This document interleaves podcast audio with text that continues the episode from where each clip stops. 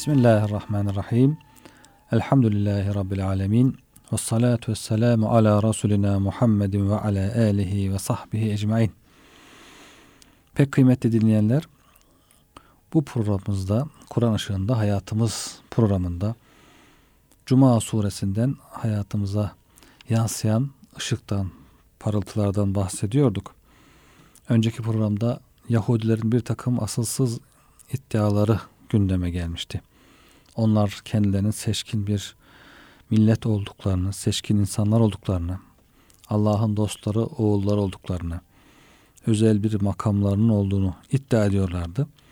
Cenab-ı Hak da madem öyleyse bu dünyada niye çile çekip duruyorsunuz? Ahiret daha güzel nimetlerle dolu. Ölümü temenni edin. Ölüp gelin Allah'ın size lütfedeceği nimetleri elde edin. Eğer sözünüz doğruysa, sadıksanız diye onlara bir e, meydan okumuştu. Sonra da peşinden ama bunlar diyor asla bunu temenni etmezler. Çünkü biliyorlar onlar da sözlerinin boş olduğunu, anlamsız olduğunu, ölümü temenni etmezler diye bildirdi. Peşinden de etmezler ama bu ölüm peki onların peşini bırakır mı? Hayır. Sizin diyor kaçtığınız ölüm mutlaka sizi yakalayacak ve sonunda siz gaybı ve şehadeti açık gizli her şeyi bilen Allah Teala'nın huzuruna çıkacaksınız. O size yaptığınız her şeyi bütün teferruatıyla ince detayına kadar saniye saniye haber verecek ve onu hesaba çekecek İnsan kendisi bile unutur yaptığı şeyleri. Kendisi bile unuttuğu halde Cenab-ı Hak karşısına çıkarınca hatırlar. Hakikaten ben bunları da yapmıştım diye. Cenab-ı Hak hiçbir saniyeyi, hiçbir şeyi kaçırmadan kaydediyor. Bunların bizim karşımıza çıkacağını bildiriyor. Bundan sonra Cuma suresinin 9. ayet-i kerimesinde Cenab-ı Hak Cuma'dan bahsediyor. Surenin ismini aldığı ayet-i kerime bu. Estağfirullah. Ya eyyühellezine amenu izâ nudiye lissalâti min yevmil cum'a. Cuma günü namaz için nida edildiğinde yani ezan okunduğunda ezan Kur'an-ı Kerim'de nida olarak da isimlendiriliyor, geçiyor. Ezan okunduğunda ey iman edenler fes'av ila zikrillah Allah'ın zikrine koşun. Ve zerul bey alışverişi dünya meşgalesini bırakın. Zâliküm hayrul leküm. Böyle yapmanız sizin için daha hayırlıdır. En hayırlıdır. İn kuntum ta'lemun. Eğer bilirseniz. Cenab-ı Hak burada mutlak ilmiyle, sınırsız ilmiyle biz insanlara sınırlı, çok az ilme sahip olan insanlara en faydalı, en güzel olan şeyleri bildiriyor Cenab-ı Hak. Buna itibar etmek lazım, bunu dinlemek lazım. Demek ki bizim bilmediğimiz şeyleri Cenab-ı Hak bizlere bildiriyor. En hayırlısı nedir, en doğrusu nedir, en güzel nedir? Ona uymak, onu yapmak gerekiyor. Burada da e, onu bildiriyor Cenab-ı Hak. Eğer bilirseniz diyor, şuurundaysanız, farkındaysanız bu benim verdiğim bilgiler sizin için daha hayırlıdır. Fe izâ gulzetis salatu namaz bitti, bittikten sonra fenteşru fil art yeryüzünde dağılabilirsiniz. Dağılın. Ve bitavu min fadlillah. Allah'ın lütfundan arayın, çalışın.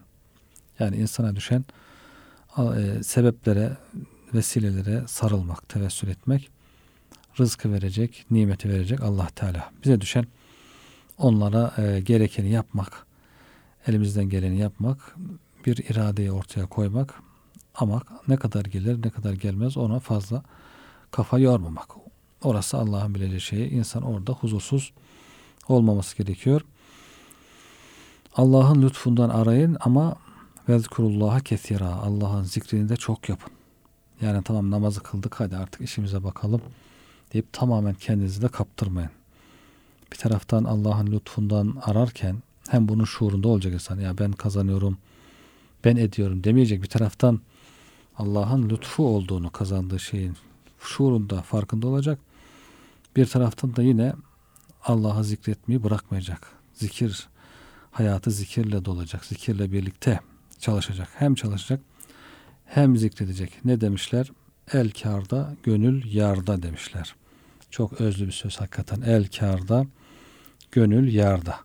Buradaki kar bizim bugün Türkçe'de kullandığımız kar değil. Yani ucuza alıp pahalıya satıp aradaki farka biz kar diyoruz.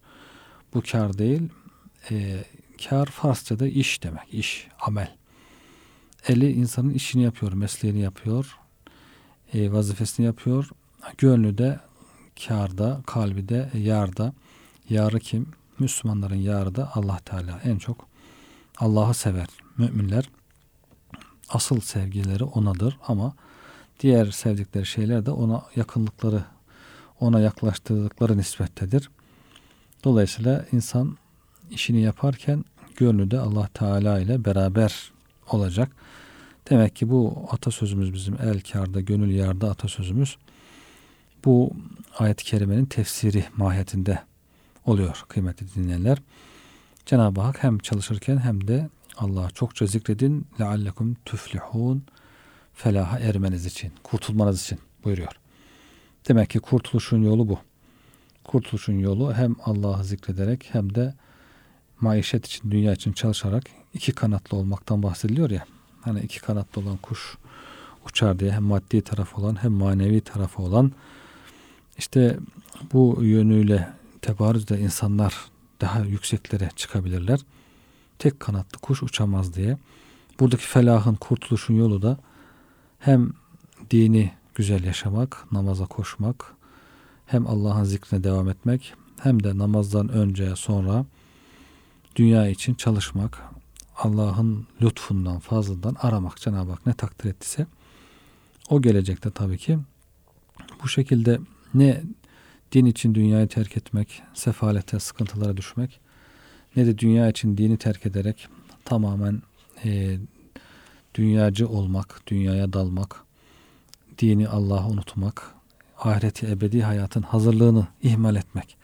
Bu ikisi de doğru olmayan şeyler. Demek ki doğru olan bu ayet-i kerimede anlatılıyor.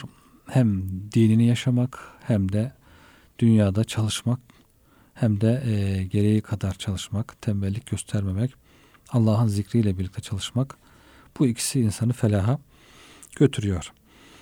Bu cuma namazından bahseden ayetlerimiz kıymetli dinleyenler. Cuma namazı ile ilgili bilgiler burada geçiyor. Cuma namazı Mekke döneminin sonlarında farz kılınmış. Mekke döneminde Müslümanlar rahat bir şekilde namazlarını kılamıyorlar. Sıkıntılar var. Müşriklerin baskısı var. Kabe'de zaman zaman çatışmalar çıkıyor, kavgalar oluyor. Müşriklerin saldırısı söz konusu oluyor.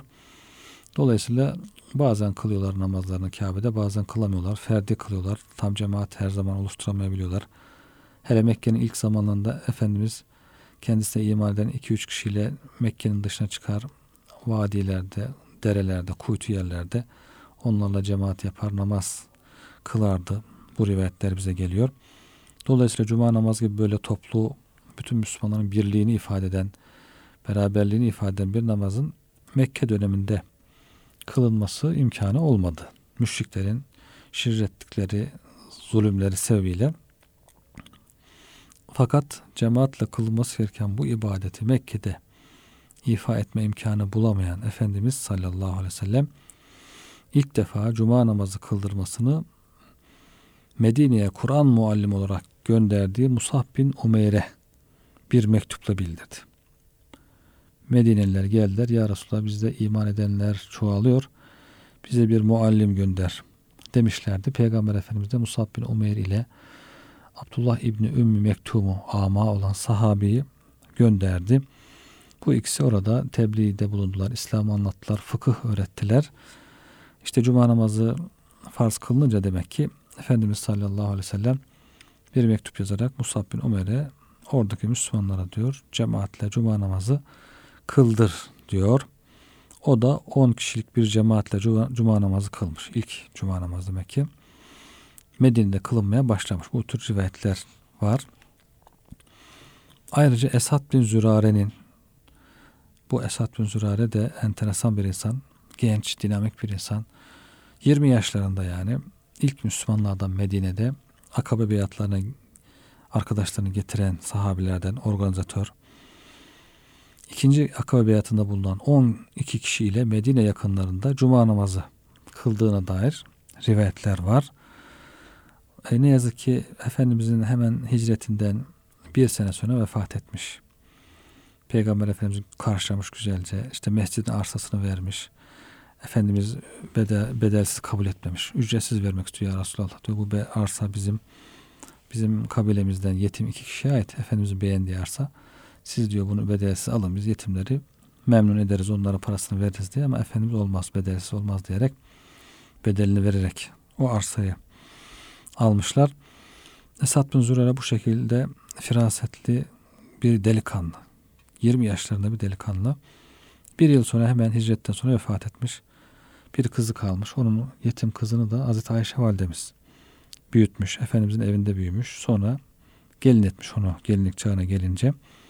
O şekilde Efendimizin evinde pek çok yetim büyümüş, yetişmiş, yetimlere bakılmış kıymetli dinleyenler. Esad bin Zürare'nin kızı da bunlardan birisi. Demek ki cuma namazı kılanlardan birisi de bu Esad bin Zürare radıyallahu anh Ensardan. Bundan itibaren cuma namazı Medine'de devam etmiş. Daha Efendimiz oraya gelmeden, hicret etmeden.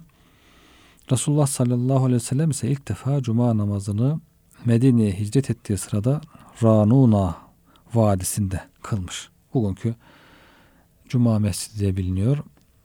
Kuba Mescidinden Medine'ye doğru gelirken ortada bir yerde bu mescit ziyaretler ediliyor uzaktan da olsa gösteriyorlar Cuma Mescidi diye. Onun yerinde kumlar üzerinde çölde ilk defa Efendimiz Cuma namazını kılmış ve orada meşhur Cuma hutbelerini okumuş. İki tane Cuma hutbesi var Efendimizin ilk Cuma'da okuduğu hutbeleri. Efendimizin hicretini hemen daha tamamlamadan yolda Cuma'yı kılması da bunu gösteriyor. Demek ki Cuma namazının daha önceden farz kılındığı ancak tatbik imkanının ancak hicret esnasında bulunduğunu gösteriyor.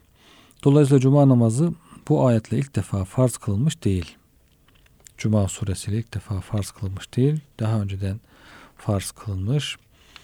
Bu ayette tekrar edilmiş. Cuma ile ilgili değişik bir e, konuya temas edilmiş. O tür bazı ayet-i kerimeler var. Kıymetli dinleyenler. Hükmü e, önceden geldiği halde nüzulü geciken nüzulü geciken ayetlerden bahsedilir. Tefsir usulünde. Abdest ayet de böyledir mesela.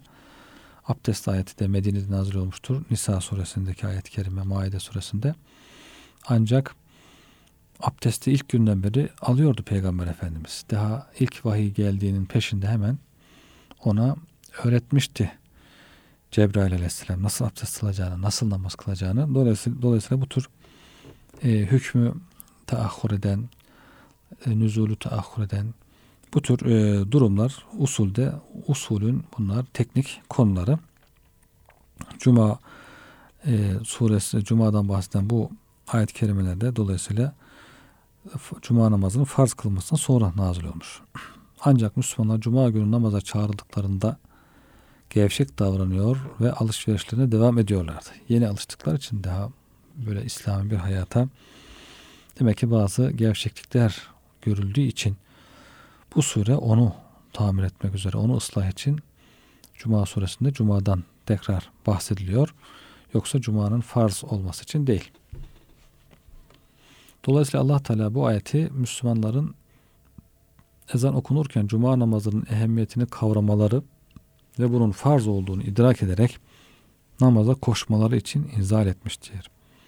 Zaman zaman insanların ikaza, uyarıya her zaman ihtiyacı oluyor. İbn Mesud radıyallahu anh öyle diyor. Hadid suresinde bir ayet var. Estağfirullah. Elem ye'ne lillezine amenu en tahşa kulubuhum li zikrillahi ve ma nezel minel hak. Müminlerin diyor Allah'ın zikriyle ve Allah'ın indirdiği hak olan Kur'an'la kalplerinin henüz yumuşama vakti gelmedi mi? İbn Mesud diyor ki bu ayet-i kerime diyor bizim Müslüman olduğumuzdan dört yıl sonra nazil oldu diyor bir rivayette. Müslüman olmamızla bu ayetle uyarılmamız arasında bir dört yıl vardı diyor. Demek ki biraz zaman geçince insanda bir gevşeme, bir rehavet söz konusu olunca hemen ikazlar geliyor. Cenab-ı Hak ikaz ediyor. Bu bizim için de geçerli. Her zaman için geçerli. İnsanın zaman zaman uyarılmaya, zaman zaman ikaza ihtiyacı var.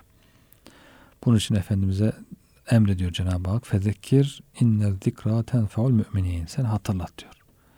İnsan bildiği konular da zaman zaman hatırlaması gerekiyor. Hani bazen deriz ya cuma hutbesinde, cuma vaazında hep işte bildiğimiz şeyler tekrar ediliyor. Zaten ben bunu biliyorum falan diyoruz. O bildiğimiz konu olabilir ama külleniyor, üzeri külleniyor. Zaman zaman onun külünü silkelemek, hatırlatmak gerekiyor. Ee, birbirimize hatırlatmak, kendimizin hatırlaması gerekiyor. Zaman zaman işte Kur'an-ı Kerim'i tekrar tekrar hatmediyoruz. Tekrar tekrar manasını bilenler için bir hatırlatma oluyor. Zaman zaman Efendimizin hadislerini okumak gerekiyor. Bildiğimiz şeyler bile olsa işte Riyazu Salih'ini alıp tekrar tekrar okuyarak zaman zaman böyle ihmal ettiğimiz şeyleri hatırlayıp gündeme getirmemiz gerekiyor. Cuma suresindeki ayetlerinde bu şekilde Cuma'nın ehemmiyetini Müslümanlara hatırlattığı gibi. Cuma gününün ve Cuma namazının faziletiyle ilgili Peygamberimiz sallallahu aleyhi ve sellem Efendimizin bazı açıklamaları, izahları da olmuş. Kıymetli dinleyenler. Bunlardan iki tanesine yer verelim. Efendimiz buyurmuş ki üzerine güneş doğan en hayırlı gün cuma günüdür. Üzerine güneş doğan en hayırlı gün cuma günüdür. Adem aleyhisselam o gün yaratıldı. İlk insan. Atamız bizim babamız, Adem babamız ilk gün, ilk cuma günü yaratılmış. Cuma günü dünyaya gelmiş. Var olmuş, varlık alemine çıkmış. O gün cennete konulmuş. Cuma günü cennete konulmuş. Yine o gün cennetten çıkarıldı. Kıyamette cuma günü kopacaktır. Bazı önemli olayların toplandığı bir gün. Demek ki cuma günü. Bu sebeple cuma gününün farklı bir yerinin anlamının olduğunu Efendimiz bildiriyor. Diğer hadislerinde bir kimse cuma günü cünüplükten temizleniyormuş gibi boy abdesti aldıktan sonra erkenden cuma namazına giderse bir deve kurban etmiş gibi sevap kazanır. Demek ki cuma günü temizliğe dikkat etmek var. Bir, hazırlık yapmak, temizlik yapmak. İkincisi de cuma namazına olabildiğince biraz erken gitmekte fayda var. İkinci saatte giderse, yani ne kadar erken giderse, işte cumadan bir saat önce giderse bir deve kesmiş kadar. İkinci saatte diye ikinci bir zaman diliminde biraz daha 50 dakika 45 dakika önce giderse bir inek kurban etmiş kadar. Üçüncü saatte giderse boynuzlu bir koç kurban etmiş gibi sevap kazanır. Ne yapacak? Erken gidince orada oturacak. Kur'an-ı Kerim okuyacak, zikirle meşgul olacak, salavatla meşgul olacak, tefekkür edecek. Yani e, hep dünyaya çalışmak değil, hem dünya hem ahiret dengeli bir şekilde götürmek gerekiyor.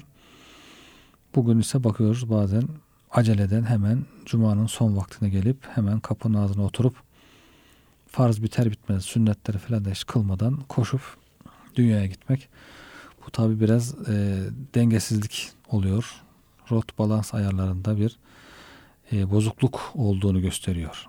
Balans ayarlarını yapmak gerekiyor. Dünya ahiret arasında dengeyi e, kurmak gerekiyor. Yoksa insan kaybeder, zarar eder. Dördüncü saatte giderse diyor bir tavuk infak etmiş gibi. Beşinci saatte giderse bir yumurta sadaka vermiş gibi sevap alır. Düşüyor. İmam minbere çıkınca melekler o Kur'an hutbeyi dinlemek üzere cemaatin arasına katılır. Kapıda melekler var arkadaşlar. Kıymetli dinleyenler. Kapıda melekler var. Bekliyor geleni kaydediyor. Ne zaman geldi? Ne saatte hangi saatte geldi kaydediyor. Ne zamana kadar? İmam hutbeye çıkıp elhamdülillah deyinceye kadar. İmam hutbede konuşmaya başlayınca melekler defterlerini kapatıp cemaatin arasına oturuyor. Ondan sonra gelenler onlar artık e, kayda girmiyor. Belki farzını eda ediyor, farza yetişiyor ama borcu düşüyor üzerine ama bir fazilet, Cuma'nın faziletinden bir şey elde edemiyor. Onu da düşünmek lazım. Vaktine girmek, kapıdan girerken meleklerin bizi gözetlediğini fark etmek, düşünmek, onun şuurunda olmak. Bir de Cuma'da hutbe dinlerken de aramıza melekler gelip oturduğunda bilmek gerekiyor. Onu da hissetmek gerekiyor. Demek ki Cuma namazını sessizce, sükunetle dinlemek, uyanık bir şekilde dinlemek niçin gerekli? İşte bazen uyuyanlar oluyor, bazen telefonuyla oynayanlar oluyor. Bunlar Cuma'nın faziletini kaybeden insanlar oluyor. Onu dikkatle dinlemek, uyanık bir şekilde dinlemek, meleklerin de bizimle beraber olduğunu hissetmek, onları rahatsız etmemek, onların yanımızda olmasından istifade etmek. Çünkü değerli bir insanın yanına oturan ondan mutlaka istifade eder. Kötü insanın yanında oturanlar, bulunanlar zarar gördüğü gibi hani derler ya kör atın yanında duran ya huyundan ya suyundan diye kötülerden kötü olarak etkilendiği gibi insan iyi insanlardan, sadıklardan da güzel bir şekilde etkilenir. Allah'ın en değerli kullarından bir kısmı da meleklerdir. Kiramin berara diyor Cenab-ı Hak. Onların kerim varlıklar, değerli varlıklar olduğunu bildiriyor. Meleklerin insana yakın olması insan için bir faydadır. İnsanın temiz olması, abdest olması, ibadet halinde olması meleklerin yanına gelmesine vesile olur.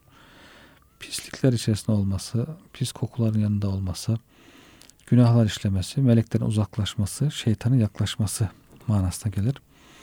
Dolayısıyla e, günahlarda bulunurken, kötü mekanlarda bulunurken bunları düşünmek lazım. Meleklerden uzak kaldık, şeytanlara yaklaştık, zarar etmeye başladık demek lazım. Cuma namazında bu şekilde melekler gelir, safların arasında oturur ve hutbeyi dinlemeye başlarlar. Bu da e, Cuma'nın faziletini gösteriyor. Şimdi bu ayetlerde dikkat çekilen hususlar neler? Kıymetli dinleyenler. Cuma suresi 9 ve 10. ayetlerde. Birincisi Cuma günü namaza çağrılmaktan maksat. Cuma günü çağrıldığınızda diyor. Hutbeden önce Cuma namazı için okunan iç ezan. Esas ezan odur Cuma günü. Resulullah Efendimiz zamanında Cuma günü sadece bir ezan okunuyordu. Hutbeden önceki iç ezan. Hazreti Ebubekir ve Ömer döneminde de böyle devam etti. Fakat Hazreti Osman zamanında cemaat kalabalıklaşınca, artınca insanlara önceden haber etmek için dış ezanda okunmaya başlandı. Bu şekilde dış ezan okunuyor. Sonra insanlar toplanıyor. iç ezan okunuyor. Hutbe sonra da kâmet getiriliyordu. Tabi orada sünnette kılınıyordu. Kılanlar oluyordu. İkincisi zikrullah diyor. Allah'ın zikrine çağrıldı. Zikrine koşun. Fes'av ile zikrillah. Bundan maksat nedir? Cuma hutbesi ve cuma namazdır. Zikirden maksat odur. İkisi de farz. Cuma namazı ve cuma hutbesi. Zikir, Allah'a zikretmeyi zaten namazla Allah'a zikreder insan. Kur'an'la, diğer tesbihlerle her şekilde Allah'ın zikri geniş bir şeydir. Allah'ı hatırlamak demektir. Allah'ın en büyük zikri e, namazdır. Burada hutbeye zikrullah demesi hutbenin muhtevası hakkında bir fikir veriyor. Dolayısıyla hutbede zikrullah sayılacak dualar okunmalı. Zikirler yapılmalı. Allah'ı, onun rahmetini ve azabını hatırlatır şeyler söylenmelidir. Allah hatırlatılacak insanlara. Efendimizin bazen Kaf suresini, bazen İbrahim suresini okuduğu iki hutbe var zaten. Birisinde bu şekilde Kur'an'dan ayetlerle, zikirlerle bir hutbe. İkinci hutbede de e, önemli güncel meseleler dikkate hatırlatılarak bu şekilde iki farklı konu oluyor Cuma hutbesinde. Üçüncüsü zikrullah'a koşmak. İlk akla geldiği şekilde ayaklar üzere koşarak namaza gitmek değil. Burada hayatı ona göre planlamak, namaza erken gitmeye çalışmak, e, namazı günlerinde tutmak manası. Yoksa Efendimiz sallallahu aleyhi ve sellem camiye namaza koşarak gitmeyin buyuruyor namaza vakar ile gidin. Ama vaktinde çıkarsan huzurla gidersin. Vaktinde geç kalırsan, gecikirsen telaşla yetişmek için telaşla koşarsın. Nefes nefese varırsın. Huzur bulmakta da zorlanır insan namaza başlayınca. Dolayısıyla koşmaktan maksat diğer işleri ve meşgulleri bırakarak Cuma'ya gitmek, kalp ve niyetle yönelmek, onu ifa için abdest almak, elbiseleri giymek gibi gerekli gerekenleri yapıp yola koyulmak manalarına geliyor. Bir de ayet-i kerimede alışverişi bırakın buyuruyor. Bu da sadece alışveriş değil, tüm meşguliyetleri bırakarak namaz için hazırlanmayı içine alıyor. Burada alışverişin zikredilmesi cuma günü ticaretin yoğun olması sebebiyledir. Cuma sebebiyle şehir, köylerden de insanlar şehirlere iniyor. İşte çarşı biraz daha hareketli oluyor falan. Cuma günleri civardaki yerleşim bölgelerinden Medine'ye gelen insanlar yanlarına satmak için mal getirirlerdi. Kendi mah mahsullerini getiriyor. Ve o gün herkes ihtiyaçlarını karşılayabilmek için alışveriş yapardı. Bugün dahi öyledir. İlçelerimizde bazı Anadolu şehirlerinde cuma günleri insanlar gelir işte hem namazını kılar hem alışverişini yapar. Satacağını satar, alacağını alır. Köyüne döner. Bu sebeple ayetteki yasaklama sadece alışverişle sınırlı olmayıp tüm meşguliyetleri kapsamaktadır. Bir de insanın en çok meşgul olduğu şey alışveriş olduğu için o zikredilmiş. Çok olan şey zikredilir. Genel, umumi mana kastedilir. Beşincisi namaz sonrası yeryüzüne yayılmak. Dağılın diyor. Yeryüzüne dağılın. Bu da vücub değil ibaha ifade ediyor. Farz değil yani. Namaz kıldık mutlaka yeryüzüne dağılmamız gerekir diye bir şey değil. Mubahtır. Dağılabilirsiniz manasında. Namaz kıldıktan sonra insanlar serbesttirler. İstedikleri yere dağılabilirler. Gerek ticaret, gerek ilim, gerek ziraat, gerek ziyaret, gerek ibadet yapabilir, gerekse istirahat edebilir. Yoksa namaz insanı hayattan koparan ve tembelliğe iten bir sebep olarak algılanmamalı. Namaza geldik. Artık başka şeyle uğraşmayacağız değil.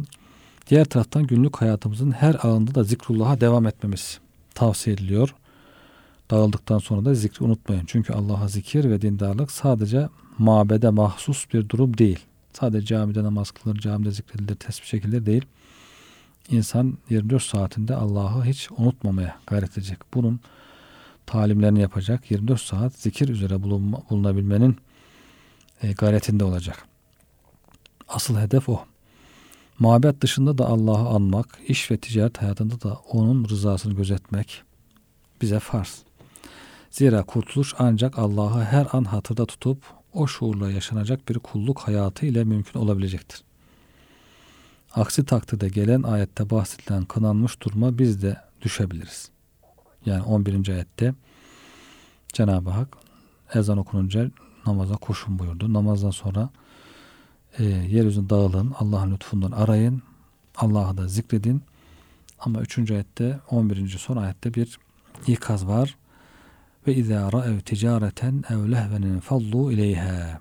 Bazı insanlar ticaret görünce, eğlence, oyun eğlence görünce hemen ona koşarlar ve teraküke gaime. Seni ayakta bırakırlar. Kul ma indallahi hayrun minel lehvi minet ticara. Halbuki Allah katında olan lütuflar, ebedi hayatta Allah'ın lütfedeceği sonsuz nimetler, güzellikler, güzel cennet hayatı bu eğlenceden ve ticaretten daha hayırlıdır. Bunu da hiçbir zaman unutmamak lazım. İlk anda insana hep tatlı gelir. Peşin olduğu için dünya zevkleri, dünya nimetleri ama veresiye olan, ahirette verilecek olan ebedi nimetler onlar daha hayırlı. Onu da unutmamak lazım. Vallahu hayrur razıkin. Allah rızık verenlerin en hayırlısıdır. Resulullah sallallahu aleyhi ve sellem hutbe okuduğu bir sırada mescid terk eden bir takım kimselerin kınandığı bir durumdan bahsediyor bu ayet-i kerime. Şöyle yaşamış bu. Bir gün Resulullah Efendimiz Cuma hutbesi okurken Medine'ye bir ticaret kervanının ulaştığını ilan eden sesler duyulmuş. Kervan gelirken davulla, zurnayla, biraz eğlenceyle öyle geliyor. ilan edilerek. Bu sıralarda kıtlık olduğu için gıda maddesi getirecek bir kervanın gelmesi dört gözle bekleniyormuş.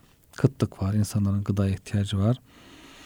Bu sesleri duyan cemaatin bir önemli bir kısmı o anda ibadet halinde olduklarını unutup yerlerinden fırladılar ve o tarafa doğru koşmaya başladılar. Cuma namazında, cuma namaz esnasında namazı bırakıp alışverişe koşmuşlar. Ticaret kervanına çünkü açlık var, çoluk çocuk aç, ihtiyaç var diye. Mescitte sadece 12 kişinin kaldığı rivayet ediliyor. Onun için Cenab-ı Hak diyor ki onlar diyor bir ticaret, bir oyun eğlence duyunca koşarlar seni ayaküstü bırakırlar. Bunu ayıplıyor Cenab-ı Hak. Diyor ki dikkat edin. Ee, Allah'ın katındakiler daha hayırlıdır. Allah en hayırlı rızık verendir. Rızık verilenlerin en hayırlısıdır. Cenab-ı Hak sizi aç bırakmaz, rızkınızı verir. Rızkınız taksim edilmiştir. Sizin yaratılış gayeniz kulluktur. İnsanın ve cinin, insanların ve cinlerin yaratılış gayesi Allah'a kul olmaktır. Yoksa yoksa rızık kazanmak, makam elde etmek, işte çok bilgi elde etmek falan değil. Tabii ki bunlar güzel şeyler. İnsan güzel, çok bilgi elde edebilir, ilim sahibi olabilir. Olması da güzeldir. Rızkını elde etmek için çalışır. Elinden geleni yapar. Bu da güzeldir. Önemli makamlara gelip o makamda Allah için hizmet etmek isteyebilir. Bu da güzeldir. Ama asıl maksadı bunlar değildir insanın. Onun için çok fazla strese girmeye, çok fazla telaşa kapılmaya gerek yok. Bizim asıl maksadımız Allah'a kul olmak, itaat etmektir. Allah'ın emirleri de bellidir. Allah bize ne emretti? İşte şu ibadetleri yapın, şu haramlardan sakının, şu muamelatta insan haklarına, hukuklarına dikkat edin.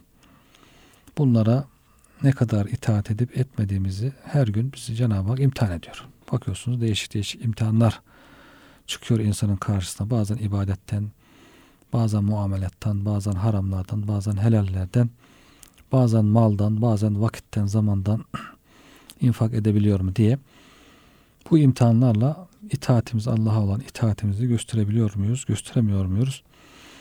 Bunun e, imtihanları oluyor. Buna dikkat etmek, bunları kazanmaya çalışmak.